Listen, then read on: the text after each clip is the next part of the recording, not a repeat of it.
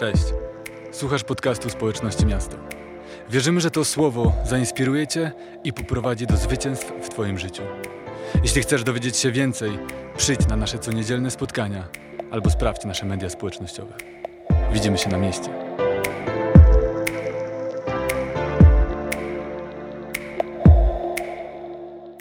Dzisiaj chcę mówić do nas em, o ciężarze Bożej obecności.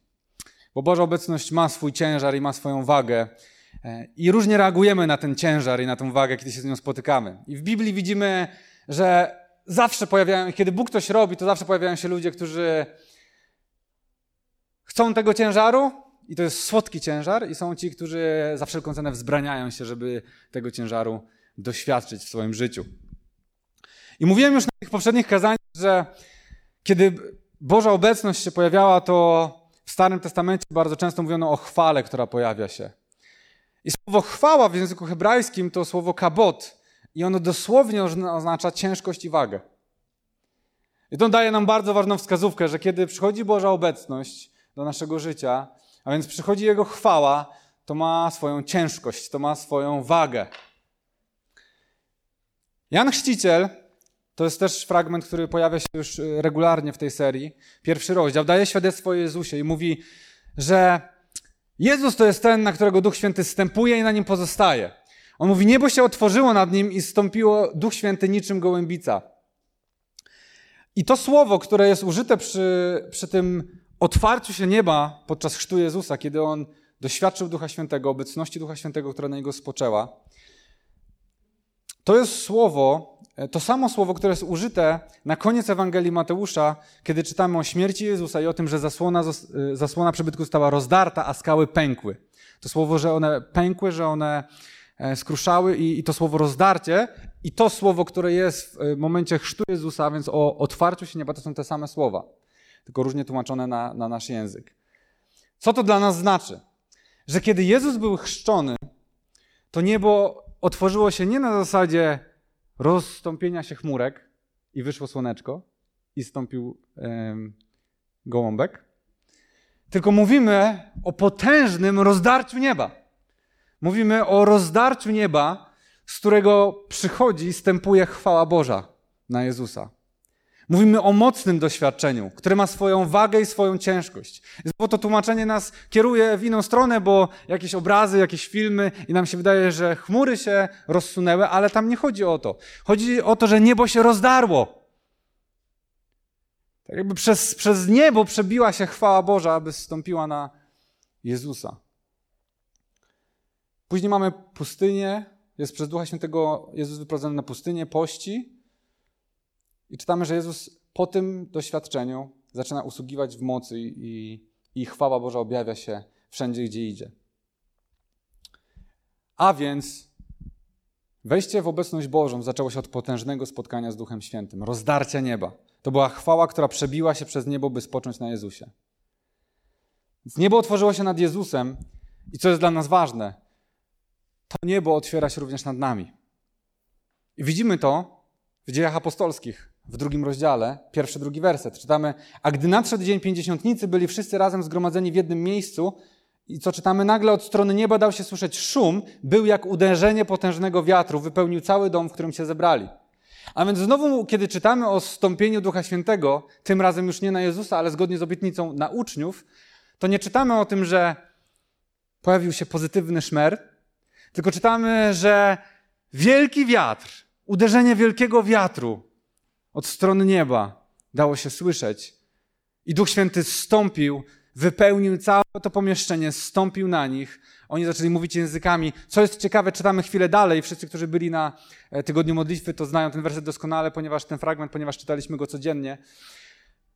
Później czytamy o tym, że wszyscy, którzy byli w Jerozolimie zgromadzeni, słyszeli ten huk i zgromadzili się tam.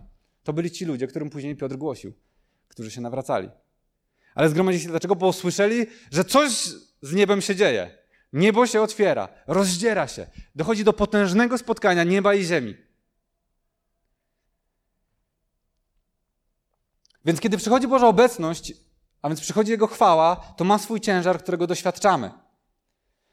Nie wiem, jak się zastanawiasz, ale wydaje mi się, że, że, że czasem w chrześcijaństwie dochodzimy do takiego miejsca, że No tak, chcemy, żeby Pan Bóg przyszedł ze swoją obecnością, swoim działaniem, ale jak miało to wyglądać? No, przyszła Boża obecność.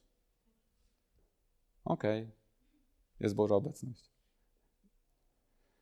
John Wesley, o, ojciec ruchu metodystycznego, wielkiego przebudzenia i poruszenia, który może nawet nie jest skojarzony z jakimś wielkim, takim charyzmatycznym doświadczeniem, ale nawet on mówił, że kiedy Duch Święty przychodzi, on czuje ciepło w sercu. Nawet kiedy Duch Święty przychodzi w lekkim powiewie, bo to jest też rodzaj i sposób, w jaki on przychodzi do naszego życia, to wpływa na nas.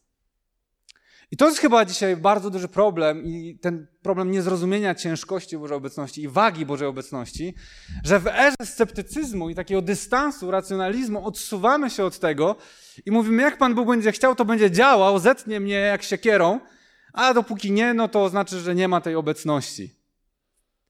Boża obecność, mówiliśmy to już sobie w tej serii, jest zawsze. On jest wszechobecny, jest cały czas. I kiedy On przychodzi, to chodzi o nasze serce i naszą postawę. Czy my chcemy przyjąć ten ciężar, przyjąć tę chwałę do swojego życia? To jest ta zdolność, o której mówiłem. Potrzebujemy czasu i nastawienia, aby rodziła się nas zdolność i wrażliwość na Bożą obecność, na goszczenie jej w naszym życiu.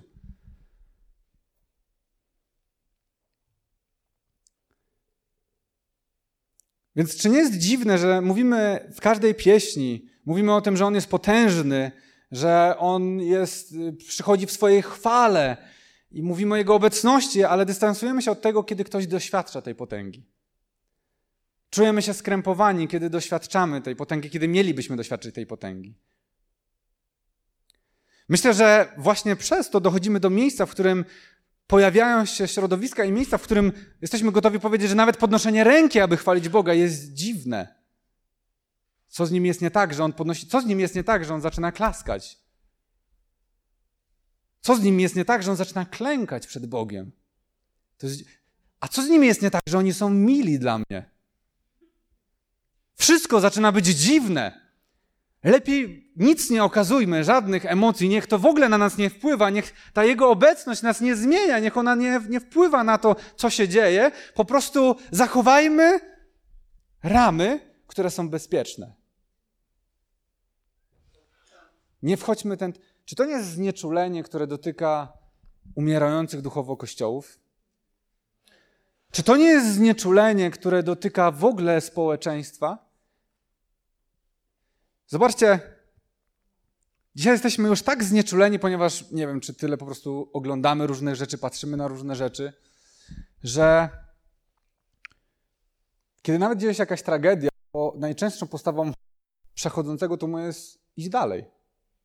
Dzieją się jakieś ważne rzeczy, ale nie zatrzyma się, nie zastanowi się, nie wezwie pomocy, tylko idzie dalej. To są, później wszyscy się oburzają w internecie, że takie filmiki, że ktoś był napadnięty, że ktoś e, zasłabł, że ktoś upadł, a tłumy ludzi przechodziły. No ale to jest ten proces znieczulenia, który, w który wchodzimy, byle trzymać się swojej drogi, byle mnie to nie dotyczyło, byle ja był bezpieczny w swoich ramach. I ta choroba sceptycyzmu i znieczulenia dotyka Kościoła. Który mówi, byle ciężar Bożej obecności na mnie nie spadł, byle On mnie nie dotknął, bo jeszcze wyjdę ze swojej ramy, bo jeszcze będę w miejscu jakiegoś zamieszania.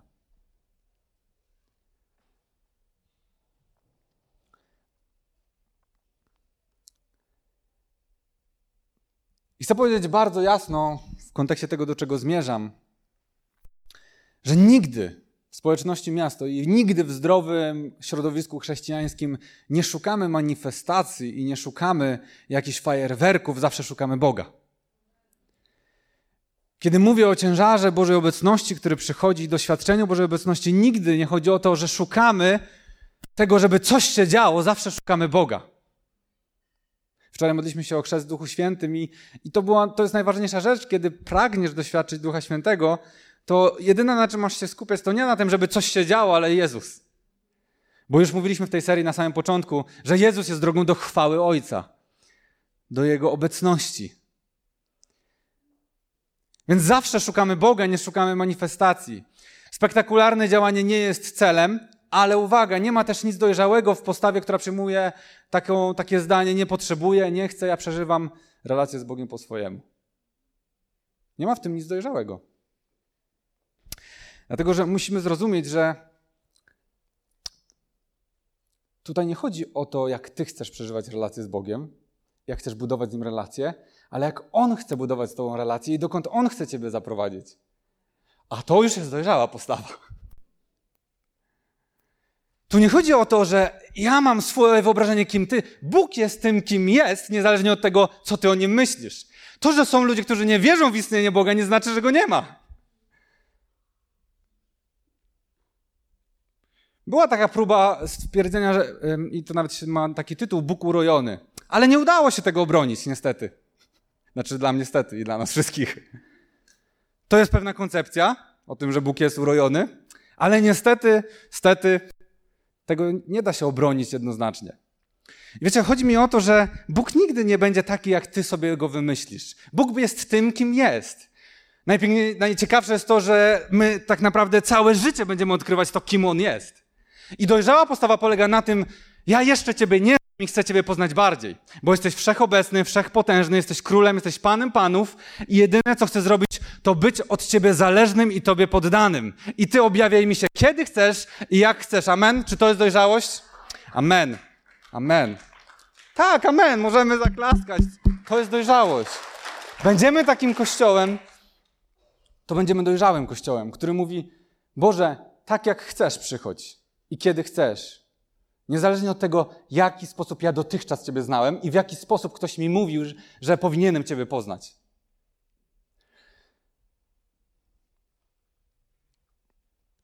Jeśli mówisz, że nie doświadczyłeś Bożej obecności, ale też nie potrzebujesz jej,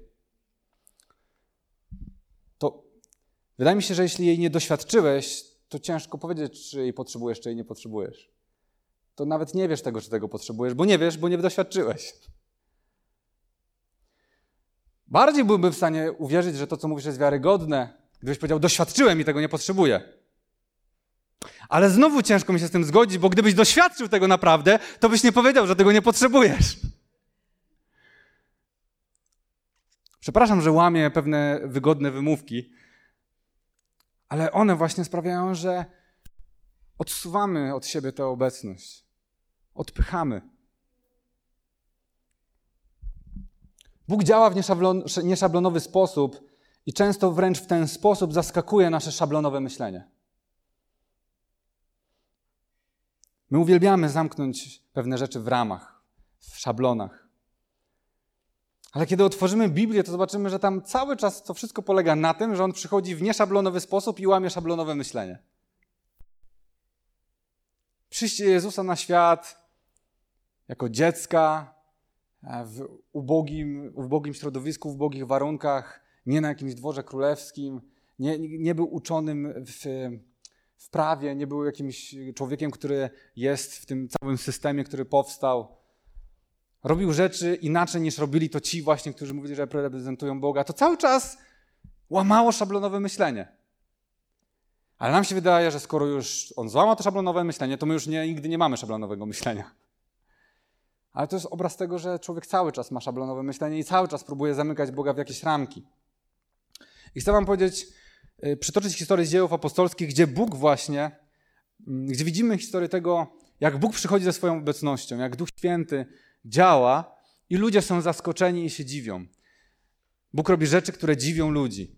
Zobaczcie, w pierwszym rozdziale dziejów apostolskich czytamy, że Jezus składa obietnicę swoim uczniom. Otrzymacie moc Ducha Świętego, kiedy na was stąpi i będziecie mi świadkami tu w Jerozolimie, w całej Judei i Samarii, aż po najdalsze, najdalsze um, krańce ziemi. Więc Jezus składa obietnicę, o której cały czas tutaj mówimy, że Duch Święty stąpi na nas. Że stąpi na nas i będziemy objawiać Jego Królestwo. Będziemy objawiać Królestwo Jezusa w mocy Ducha Świętego. Taki jest plan. To jest to, co Jezus nam zostawił. Taką pozostawił nam instrukcję. W drugim rozdziale, to się działo przez cały ten miniony tydzień, czytaliśmy o tym, że ten Duch Święty rzeczywiście stąpił na nich i stąpił w potężny sposób i dotknął ich i oni zaczęli działać i objawiać Królestwo w mocy Ducha Świętego. I dochodzimy do trzeciego rozdziału dziejów apostolskich i w trzecim rozdziale dziejów apostolskich czytamy, że Piotr i Jan, już chodząc w mocy i mając Ducha Świętego, mając obecność, która na nich spoczywa, wchodzą do świątyni, aby objawiać Królestwo wszystkim tym, którzy są tam i myślą, że znają Boga. I wtedy Wchodząc, patrzą, że przy wejściu leży niepełnosprawny człowiek, który jest tam każdego dnia i, i żebrze i prosi o jakieś pieniądze, żeby mógł przetrwać, żeby mógł przeżyć, żeby mógł jakoś się utrzymać. I czytamy od czwartego wersetu trzeciego rozdziału dzieł apostolskich. Wówczas Piotr wraz z Janem wpatrzył się w niego i polecił: Spójrz na nas. Tamten uczynił to w oczekiwaniu, że coś od nich otrzyma. Tymczasem Piotr powiedział: Nie mam srebra ani złota, lecz daję ci to, co mam. W imieniu Jezusa Chrystusa z Nazaretu wstań i rusz z miejsca. Następnie uchwycił go za prawą rękę i podniósł. Wtedy człowiek ten natychmiast odzyskał siłę w stopach i kostkach. Zobaczcie, jaki wspaniałe zestawienie pierwszego rozdziału z trzecim. W pierwszym rozdziale Jezus mówi: Otrzymacie Ducha Świętego, kiedy na was wstąpi. To będzie to, co będziecie mieli. A w trzecim rozdziale, kiedy już ten Duch Święty na nich wstąpił, Piotr podchodzi do tego niepełnosprawnego i mówi: Złota i srebra nie mam, ale to, co mam, to tobie daję. Co mam? Mam Ducha Świętego i Jego moc, więc daję ci to. W imieniu Jezusa wstań i zacznij chodzić. To jest to, co mamy. Pan Jezus dał nam to. Dał nam moc Ducha Świętego, która na nas wstępuje i możemy ją dać ludziom. Nie mam złota, srebra, to co mam, to by daję. Mam obecność, chodzę w obecności. Ten człowiek zostaje uzdrowiony i zobaczcie, co on zaczyna robić, kiedy zostaje uzdrowiony. Ósmy, dziewiąty werset. Czytamy, podskoczył, stanął na nogach i ruszył przed siebie, wszedł razem z nimi do świątyni, a tam chodził dookoła, podskakiwał i wielbił Boga. Cały lud zobaczył go, jak chodzi i chwali Boga. A więc Piotr i Jan mieli Ducha Świętego, mieli obecność Ducha Świętego, dali tę obecność temu niepełnosprawnemu. On wtedy wstał i co zaczyna robić? Jaka jest jego reakcja na spotkanie się z obecnością Ducha Świętego i z uzdrowieniem? Zaczyna skakać, zaczyna chwalić Boga, zaczyna śpiewać, zaczyna robić to tak głośno, że czytamy, że cały lud zgromadzony w tej świątyni znalazł się w tym miejscu. Czyli to nie było takie. Zacząłem chodzić. Czuję tę moc. Nie! On całe życie leżał niepełnosprawny tam, żebrał, nie mógł pracować i teraz wstaje nagle i zaczyna skakać i chwalić Boga. Jestem uzdrowiony! Mogę chodzić! I wszyscy przychodzą, co tu się dzieje? Jakiś dzikus wszedł do świątyni. Straż świątynna, wyprowadźcie go! Czytamy to w 10-12 wersecie, do 12. Rozpoznali też, że to ten sam człowiek, który w poszukiwaniu wsparcia siadał przy bramie pięknej świątyni. Byli więc tym bardziej zdumieni i zachwyceni tym co, tym, co go spotkało. A gdy on tak trzymał się Piotra i Jana, cały zdumiony lud zbiegł się do nich do portyku zwanego Salomonowym. Gdy Piotr to zobaczył, odezwał się do ludu Izraelici: Dlaczego się temu dziwicie? I dlaczego nam się tak przypatrujecie, jakbyśmy to własną mocą lub pobożnością sprawili, że ten człowiek chodzi? Więc co ci wszyscy ludzie zrobili, kiedy zobaczyli kogoś, kto spotkał się z Bożą obecnością i zaczął się radować, chwalić Boga, robić to w ekspresyjny sposób, podskakiwać? Zaczęli się dziwić. Co najlepszego możemy zrobić w tym, kiedy Bóg coś zrobił wspaniałego? Zdziwmy się tym. Zacznijmy się tym zastanawiać, czy to, czy to Bóg, nie Bóg, no. Kurczę, po co takie rzeczy, no? Po co takie rzeczy? To miał być kolejny wspaniały dzień w świątyni, w której robimy swoją robotę. To miało być kolejne dobre nabożeństwo, na którym zespół gra piosenkę, pastor mówi kazania, a potem pijemy kawę i jemy ciasto. To miało być takie fajne nabożeństwo, a teraz tu przyszedł ten i skacze i chwali Boga i cieszy się i jeszcze został uzdrowiony na dodatek. Piotr i Jan widzą, co się dzieje. Czemu wy się dziwicie? Czemu wy się dziwicie? Jak dzisiaj w kościele byśmy zareagowali, gdybyśmy widzieli ludzi skaczących, radujących się, chwalących Boga głośno, tak, że wszyscy byśmy musieli tu zwrócić uwagę na to. Wyobrażam sobie te takie uśmiechy, spojrzenia. Spoko. Kolejna jakaś rozhistery rozhisteryzowana osoba. Dobrze, dobrze, nie? przejdzie jej. A może ktoś by powiedział, to nie jest z Boga. To nie jest z Boga. Nie widzę tego w piśmie. Powiem Wam świadectwo. Miałem ostatnio przywilej, nie ostatnio, jakiś czas temu już, ale um, przywilej słuchać świadectwa e, pastora, który, który był jednym z liderów bardzo dużego przebudzenia. I zanim w styczniu to przebudzenie miało miejsce, w sierpniu poprzedniego roku usługiwali na młodzieżowej, młodzieżowym obozie. I była taka sytuacja, że modlili się o takiego chłopaka, nastolatka. Modlili się o niego i on nagle zaczął śmiać się bardzo głośno i biegać po całej sali i skakać. Po prostu tak się śmiać, że aż mu tchu brakowało. I tak przez dłuższy czas biegał, skakał, śmiał się i oni zamiast się zdziwić, po prostu kiedy się uspokoił, zapytali go, co się wydarzyło właściwie? Co cię spotkało? I on powiedział, miałem wizję, kiedy modliliście się o mnie, miałem taką wizję, że siedzę na kolanach Boga Ojca. I on zaczyna mnie łaskotać. I ja próbuję się wyrwać, bo tak się śmieje, ale on mnie goni i mnie łapie i dalej mnie łaskocze. I ja tak uciekałem, a on mnie cały czas gonił, łaskotał i przytulał i, i ja nie mogłem się wyrwać. I to było wspaniałe doświadczenie. Ale co więcej, w swoim świadectwie opowiedział o tym, że od samego dzieciństwa, od urodzenia, był w kilkunastu domach, sierocińcach i rodzinach zastępczych. Nigdy nikt nie traktował go w taki sposób. Nigdy nikt nie przytulał go, nie bawił się, nie okazał mu takiej miłości, nie doświadczył miłości tatusia. Nie wiesz, co się dzieje w życiu ludzi, nie znasz historii. Widzisz coś na zewnątrz, co się dzieje. I możesz to osądzać i oceniać, to nie jest z Boga. Choć jak widzimy, ten człowiek w świątyni też tak reagował. A może to nie jest z Boga, tak nie może reagować nikt. Tak ludzie nie reagują na modlitwę. Kiedy Duch Święty zstąpił w potężny sposób na uczniów w wieczerniku, czytamy o tym, że byli też ludzie, którzy mówili, oni są pijani. Co to są za w ogóle jacyś dziwacy? Osądzali. My często boimy się tego, co o nas powiedzą, co sobie ktoś o nas pomyśli, co sobie powiedzą moi znajomi, którzy, których przyprowadzę do kościoła i jeszcze nie daj Boże, Duch Święty dotknąłby mnie. To by zepsuło wizerunek Panu Bogu.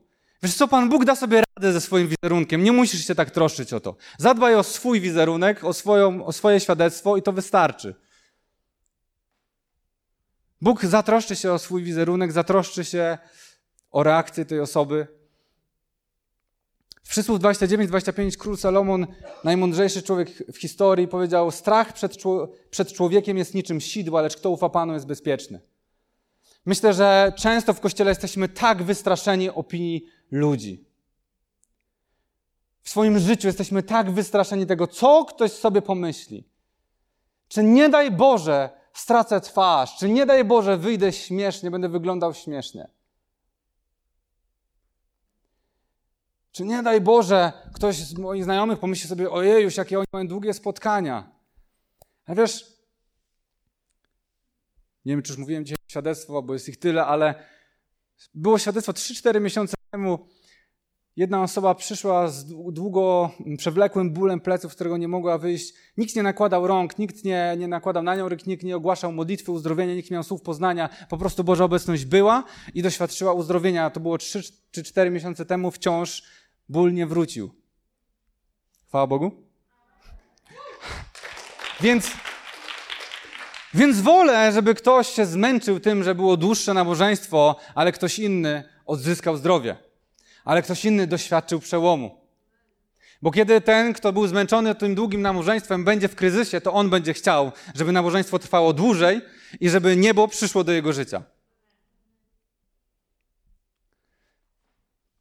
Nikt z nas nie chce, aby strach przed ludźmi był granicą dla Bożej obecności w tej wspólnocie. Jestem przekonany o tym, że to nie jest pragnienie naszego serca. I Boża obecność zawsze ma swój ciężar, ale to od naszego nastawienia zależy, czy to będzie dla nas słodki ciężar, czy to będzie taki ciężar, przed którym chcemy się wzbraniać za wszelką cenę. To jest tylko i wyłącznie kwestia nas. Bóg jest zawsze gotowy przychodzić, Bóg jest zawsze obecny. To jest tylko kwestia tego, czy my chcemy, żeby to był słodki ciężar, który przyjmujemy na swoje barki. Jeśli teraz już łamie Twoje szablonowe myślenie, to, to chodźmy dalej chodźmy dalej, złammy się jeszcze bardziej. W naszej społeczności w ostatnim czasie, w minionym tygodniu, Duch Święty zaczął objawiać się w sposób, który nie wszyscy znamy, a mianowicie, który nazywamy czasem spoczynkiem w Duchu Świętym. I to zaczął u nas mówić Sumion i bardzo mu za to dziękuję, bo to jest bardzo dobra odpowiedź. Czasem ludzie pytają, dlaczego ludzie upadają? I odpowiedź jest bardzo prosta, bo nie mogą ustać. Brawo dla Sumiona. Ludzie upadają, ponieważ nie mogą ustać. Tutaj nie ma większej filozofii. Nie wiem, co byś chciał usłyszeć.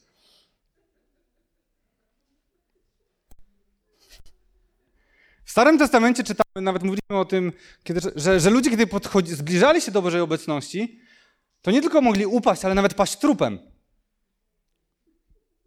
Dzisiaj dzięki Jezusowi, dzięki temu, że zasłona została rozdarta, ludzie, kiedy spotykają się z Bożą obecnością, to może nie padają trupem i chwała Jezusowi za Jego ofiarę i za to, że nas usprawiedliwił i dał nam dostęp, że jest drogą do Ojca. Ale mogą doświadczyć ciężaru tej obecności, bo słowo chwała oznacza ciężar, który spada na nas i przygniata nas.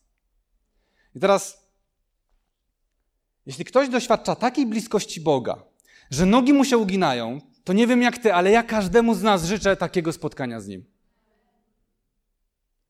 I nie mam zamiaru się dziwić nikomu. Mam zamiar cieszyć się. Dlaczego? Bo ci ludzie nie wstają tacy sami. Nie wstają tacy sami. Ostatnio miałem taką rozmowę z małżeństwem i ta żona powiedziała, kiedy byłem nastolatką, to miałem takie, byłem na takim spotkaniu i doświadczyłam czegoś takiego, o czym, o czym pastor mówi, spoczynku. Ale to było przyjemne doświadczenie. No i wstałam i, i tyle. A jej mąż tak, hmm, czy na pewno? Mówi, zobacz, po kilku latach ty byłaś pierwszą, która się nawróciła, Oprócz tego dwie kolejne najbliższe ci osoby nawróciły, są dzisiaj nawrócone. Trzecia doświadcza przełomów z Bogiem. Jesteś najbardziej obdarowana e, proroczo i duchowo. Odbierasz różne rzeczy, dzielisz się z tym, inspirujesz nas do tego, prowadzisz nas do tego. Więc chyba jednak coś się wydarzyło. Może ty nie umiałeś tego zrozumieć, nikt ci tego nie wytłumaczył, o co w tym chodzi, ale Duch Święty spoczął na tobie. I wiecie, myślę sobie o tym, no właśnie. Jeśli ludzie mają skakać i śmiać się, albo mają upadać, albo ma dziać się jeszcze coś, czego nawet nie znam, ale ma to być, efektem tego ma być to, że zaczynają wpływać na innych ludzi, głosić im Jezusa, nieść Bożą obecność do ich życia, oni mają się nawracać i Królestwo Boże ma się objawiać, to mi to w ogóle, w ogóle nie przeszkadza. To mi to w ogóle nie przeszkadza. I Możemy zadawać pytanie, czy Bóg robi dziwne rzeczy. On nie robi dziwnych rzeczy. To, że jako ludzie jesteśmy zdziwieni, wynika z miejsca, w którym jesteśmy. Ale Bóg nie jest zdziwiony. Bóg nigdy nie jest zdziwiony tym, kiedy Jego obecność się objawia i kiedy doświadczamy Jego obecności. My możemy być zdziwieni. I kiedy coś nie mieści się w naszych głowach, hmm, kiedy coś nie mieści się w naszych głowach, to ma tendencję, żeby to osądzić.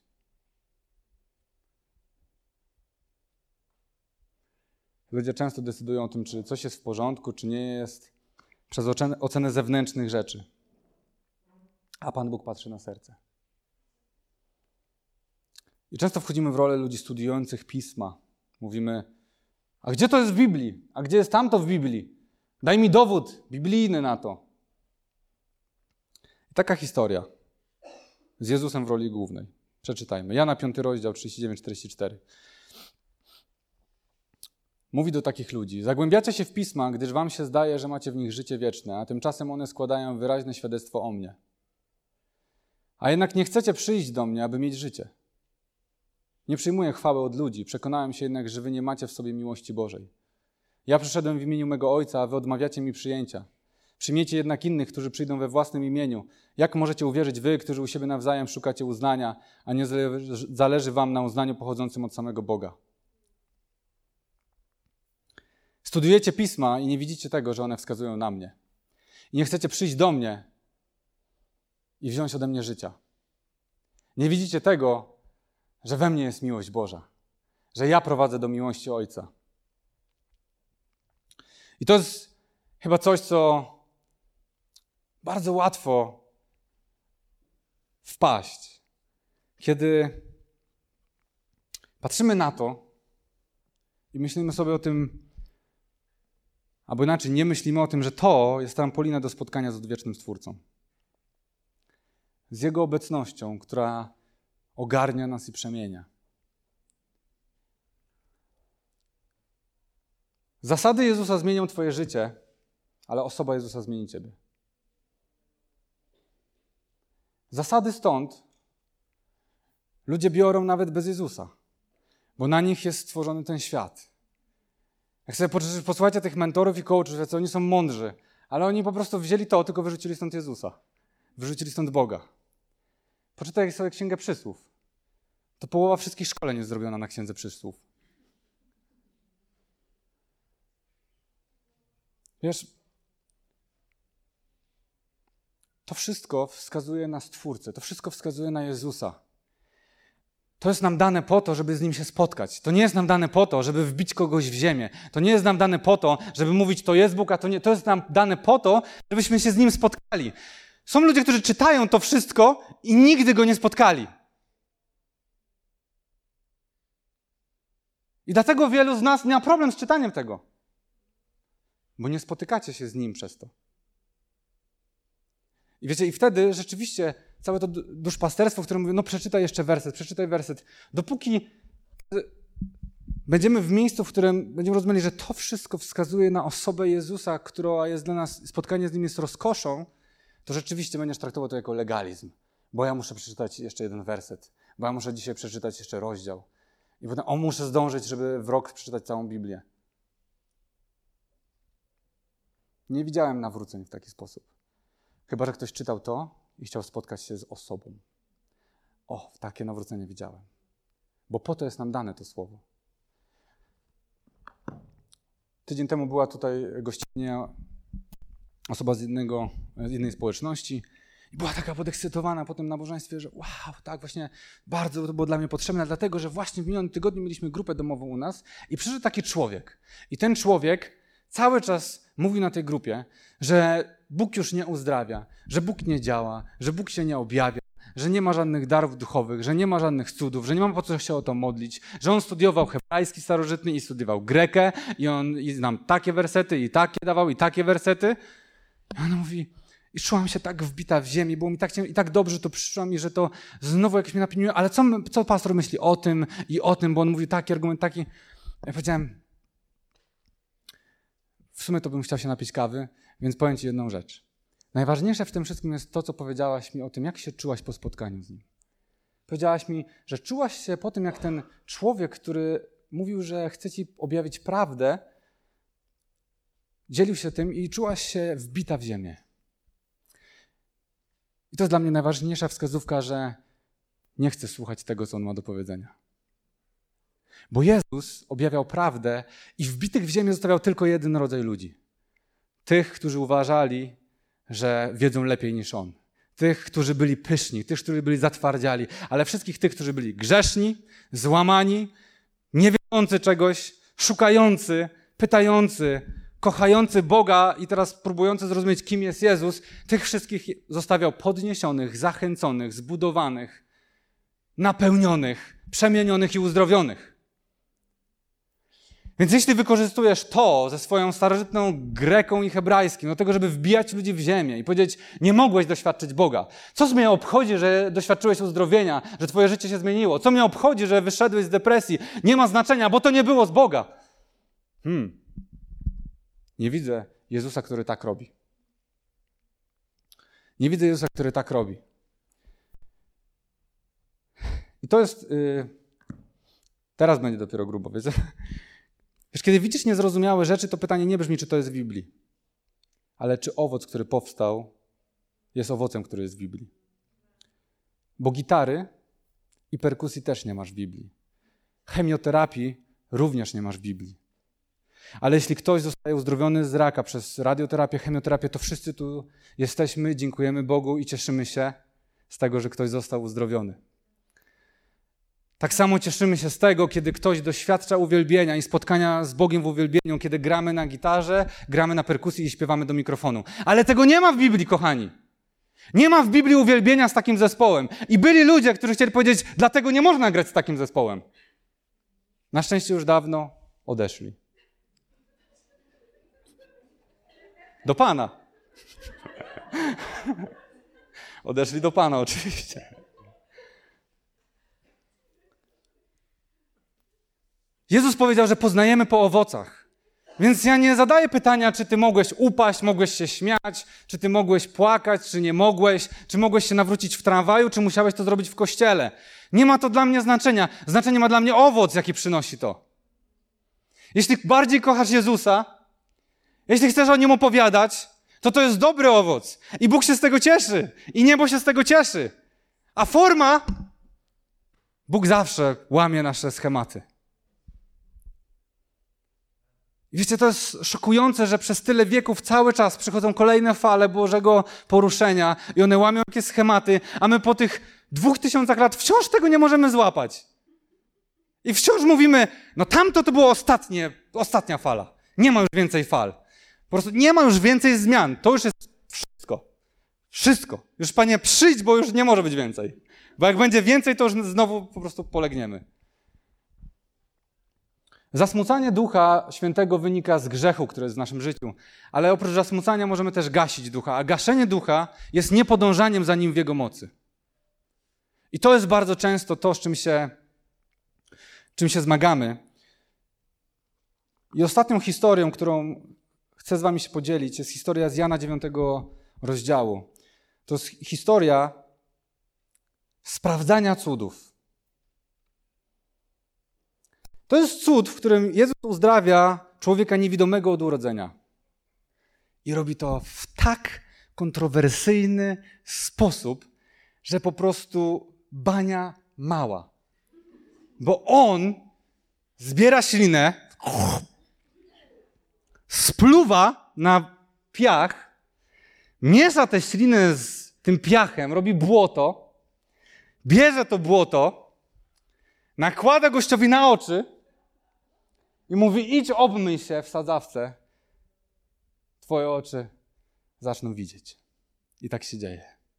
To było kontrowersyjne wtedy, a teraz wyobraź sobie, że biorę tutaj wiaderko z piaskiem, spluwam do niego, mówię, chodź. Masz okulary? Albert, masz okulary? Chodź. Powiedziałbyś, nigdy więcej tu nie przyjdę. Proszę wezwać policję. Jezus to robi. I czytamy reakcje różnych ludzi. Różne grupy ludzi reagują na ten cud. Od ósmego wersetu. Wówczas sąsiedzi, pierwsza grupa ludzi oraz ci, którzy go przedtem wydawa- e, widywali jako żebraka, zastanawiali się, czy to nie ten, który siadywał i żebrał? Jedni mówili, że to ten i twierdzili, że to ktoś do niego, inni twierdzili, że to ktoś do niego podobny. On natomiast przyznawał, to jestem ja. Zagadnęli go zatem, jak więc odzyskałeś wzrok? Wówczas odpowiedział, człowiek imieniem Jezus zrobił błoto, nałożył mi na oczy i polecił, idź obmyj się w Siloe. Poszedłem więc, obmyłem się i widzę. Gdzie on jest? Zapytali. Nie wiem, odpowiedział. Zaprowadzili go zatem, jeszcze niedawno niewidomego, do faryzeuszów, druga kategoria ludzi. A właśnie tego dnia, kiedy Jezus zrobił błoto i otworzył niewidomemu oczy, był szabat. Wtedy z kolei faryzeusze pytali go, w jaki sposób odzyskał wzrok. I powiedział, Nałożył mi na oczy błoto, obmyłem się i widzę. Niektórzy z faryzeuszów stwierdzili zatem, ten człowiek nie jest od Boga, bo nie przestrzega szabatu. Inni natomiast byli zdania, że grzeszny człowiek nie może czynić takich znaków. I doszło między nimi do rozłamu. Ponownie więc zwrócili się do uzdrowionego, do uzdrowionego. Co ty o nim sądzisz? W końcu otworzył ci oczy i odpowiedział, on jest prorokiem. Żydzi jednak nie uwierzyli, że był on niewidomy i odzyskał wzrok, dopóki nie przywołali jego rodziców. Kolejna kategoria ludzi. A gdy przyszli, zapytali ich, czy to jest wasz syn, który, jak twierdzicie, urodził się niewidomy? Jak to się więc stało, że teraz widzi? A rodzice odpowiedzieli, wiemy, że to jest nasz syn i wiemy, że się urodził niewidomy. Lecz jak to się stało, że teraz widzi, albo kto otworzył mu oczy, nie wiemy. Zapytajcie jego, jest dorosły, niech mówi sam za siebie. Powiedzieli tak z obawy przed Żydami, Żydzi bowiem już wcześniej postanowili, że wyłączą z synagogi każdego, kto uzna go za Chrystusa. Właśnie dlatego rodzice uzdrowionego powiedzieli: Jest dorosły, zapytajcie jego. Niesamowita historia. Konwersyjne uzdrowienie robi się draka. Zamieszanie. Co tu się właściwie wydarzyło?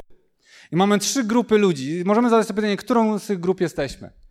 Najpierw są sąsiedzi. To są ludzie, którzy jak zwykle dziwią się, no bo co, co zrobić, jak coś dobrego się dzieje? Trzeba się zdziwić. Dziwią się, ale mówią, nie, nie, nie, to na pewno nie może być on, a nawet jeśli to jest on, to musimy iść do kogoś mądrzejszego, kto na pewno to wytłumaczy. Więc musimy zaciągnąć go do faryzeuszów. Na pewno jest jakieś racjonalne wytłumaczenie. Na pewno zaraz ci mądrzy ludzie nam odpowiedzą, jak to się wydarzyło. To jest postawa często, którą my przyjmujemy. Jakie rzeczy się działy, ale na pewno nie tutaj i na pewno nie w naszym kościele i nie w naszym życiu. A jeżeli coś się wydarzyło, to na pewno da się to wytłumaczyć. Albo problemami psychicznymi, albo przypadkiem, albo jakąś naukową rzeczą, której po prostu nie słyszeliśmy. Zawsze da się to jakoś wytłumaczyć. I najważniejszą rzeczą w szukaniu Bożej obecności jest wytłumaczenie Bożej obecności. To jest kluczowe, słuchajcie. Podstawa. Wytłumaczmy to wszystko. Wytłumaczmy, wyjaśnijmy, a jeżeli nie jesteśmy w stanie, to na pewno ktoś jest w stanie. To są sąsiedzi. Potem mamy faryzeuszy. Jedni mówią tak, drudzy mówią tak, jest od Boga, nie jest od Boga. My jesteśmy tutaj od tego, żeby to osądzić. Druga postawa, którą przyjmujemy. No to osądźmy to. To jest od Boga? Nie, to, w takim, to demon się podszył. Na pewno demon. Jeśli, to są, jeśli my się nie lubimy z tym kościołem, nie lubimy się z tą denominacją i coś tam się dzieje, to na pewno demon. Ten pastor jest zwiedziony, na pewno. No bo jak? Skoro nie zgadzamy się w tym temacie, a tam się rzeczy dzieją, a u nas nie, to na pewno to jest nie od Pana Boga. Faryzeusze. I trzecia kategoria ludzi rodzice. My to po prostu nie chcemy się w to mieszać. Bo jeszcze przypadkiem no, ktoś o coś nas posądzi, sąsiedzi jeszcze usłyszą, zobaczą i powiedzą, że jesteśmy jacyś dziwni. Fajnie, że jest uzdrowiony, no, był niewidomy od urodzenia, cieszymy się, ale niech on, on jest dorosły, niech on się cieszy tym uzdrowieniem, a my tutaj żyjmy swoim życiem, mamy swoją synagogę, mamy swoje chodzenie do kościółka, mamy swoje jakieś praktyki. Nie zajmujmy się tym tematem. Czasem jesteśmy w kościele, taką postawę przyjmujemy. No tam są jacyś tacy charyzmatycy w kościele.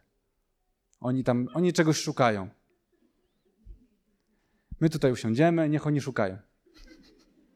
Oni są dorośli, ich zapytajcie.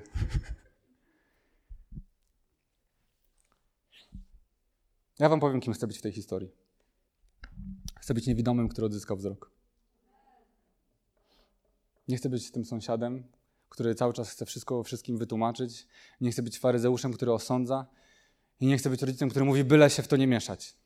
Chcę być niewidomym, który odzyskał wzrok, bo spotkał się z Jezusem i spotkał się z obecnością Bożą. Nawet w nieszablonowy sposób. Zobaczcie, co mówi ten niewidomy od 24 wersetu. Ponownie więc przywołali tego, który był niewidomy. Oddaj chwałę Bogu, powiedzieli. My wiemy, że ten człowiek jest grzesznikiem. Mówią o Jezusie. Uzdrowiony odparł. Czy jest grzesznikiem? Nie wiem. Wiem jedno. Byłem niewidomy, a teraz widzę. Zapytali go więc, co ci uczynił, jak otworzył ci oczy. A on, już wam powiedziałem. Nie dość wam? Co jeszcze chcecie usłyszeć? Może wy też chcecie zostać jego uczniami? Wtedy go nie znieważyli. To ty jesteś jego uczniem. My jesteśmy uczniami Mojżesza. My wiemy, że Bóg przemówił do Mojżesza. Ten natomiast nie wiemy skąd jest. A uzdrowiony na to, a to dziwne. Wy nie wiecie skąd jest, a on otworzył mi oczy. Wiadomo, że Bóg nie wysłuchuje grzeszników, a tylko bogobojnych i posłusznych Jego woli. Od wieków nie usłyszano, aby ktoś otworzył oczy niewidomemu od urodzenia. Gdyby ten człowiek nie był od Boga, nie mógłby nic zrobić. Wtedy powiedzieli: Urodziłeś się cały w grzechach i ty chcesz nas uczyć? I wyrzucili go. Jezus usłyszał, że go wyrzucili i gdy go odnalazł, zapytał: Czy ty wierzysz w syna człowieczego? On zaś na to: Kto to jest, panie, abym mógł w niego uwierzyć? Jezus powiedział: Jest nim ten, którego już widziałeś, a który jest teraz z tobą i rozmawia. A on: Wierzę, panie, i złożył mu pokłon.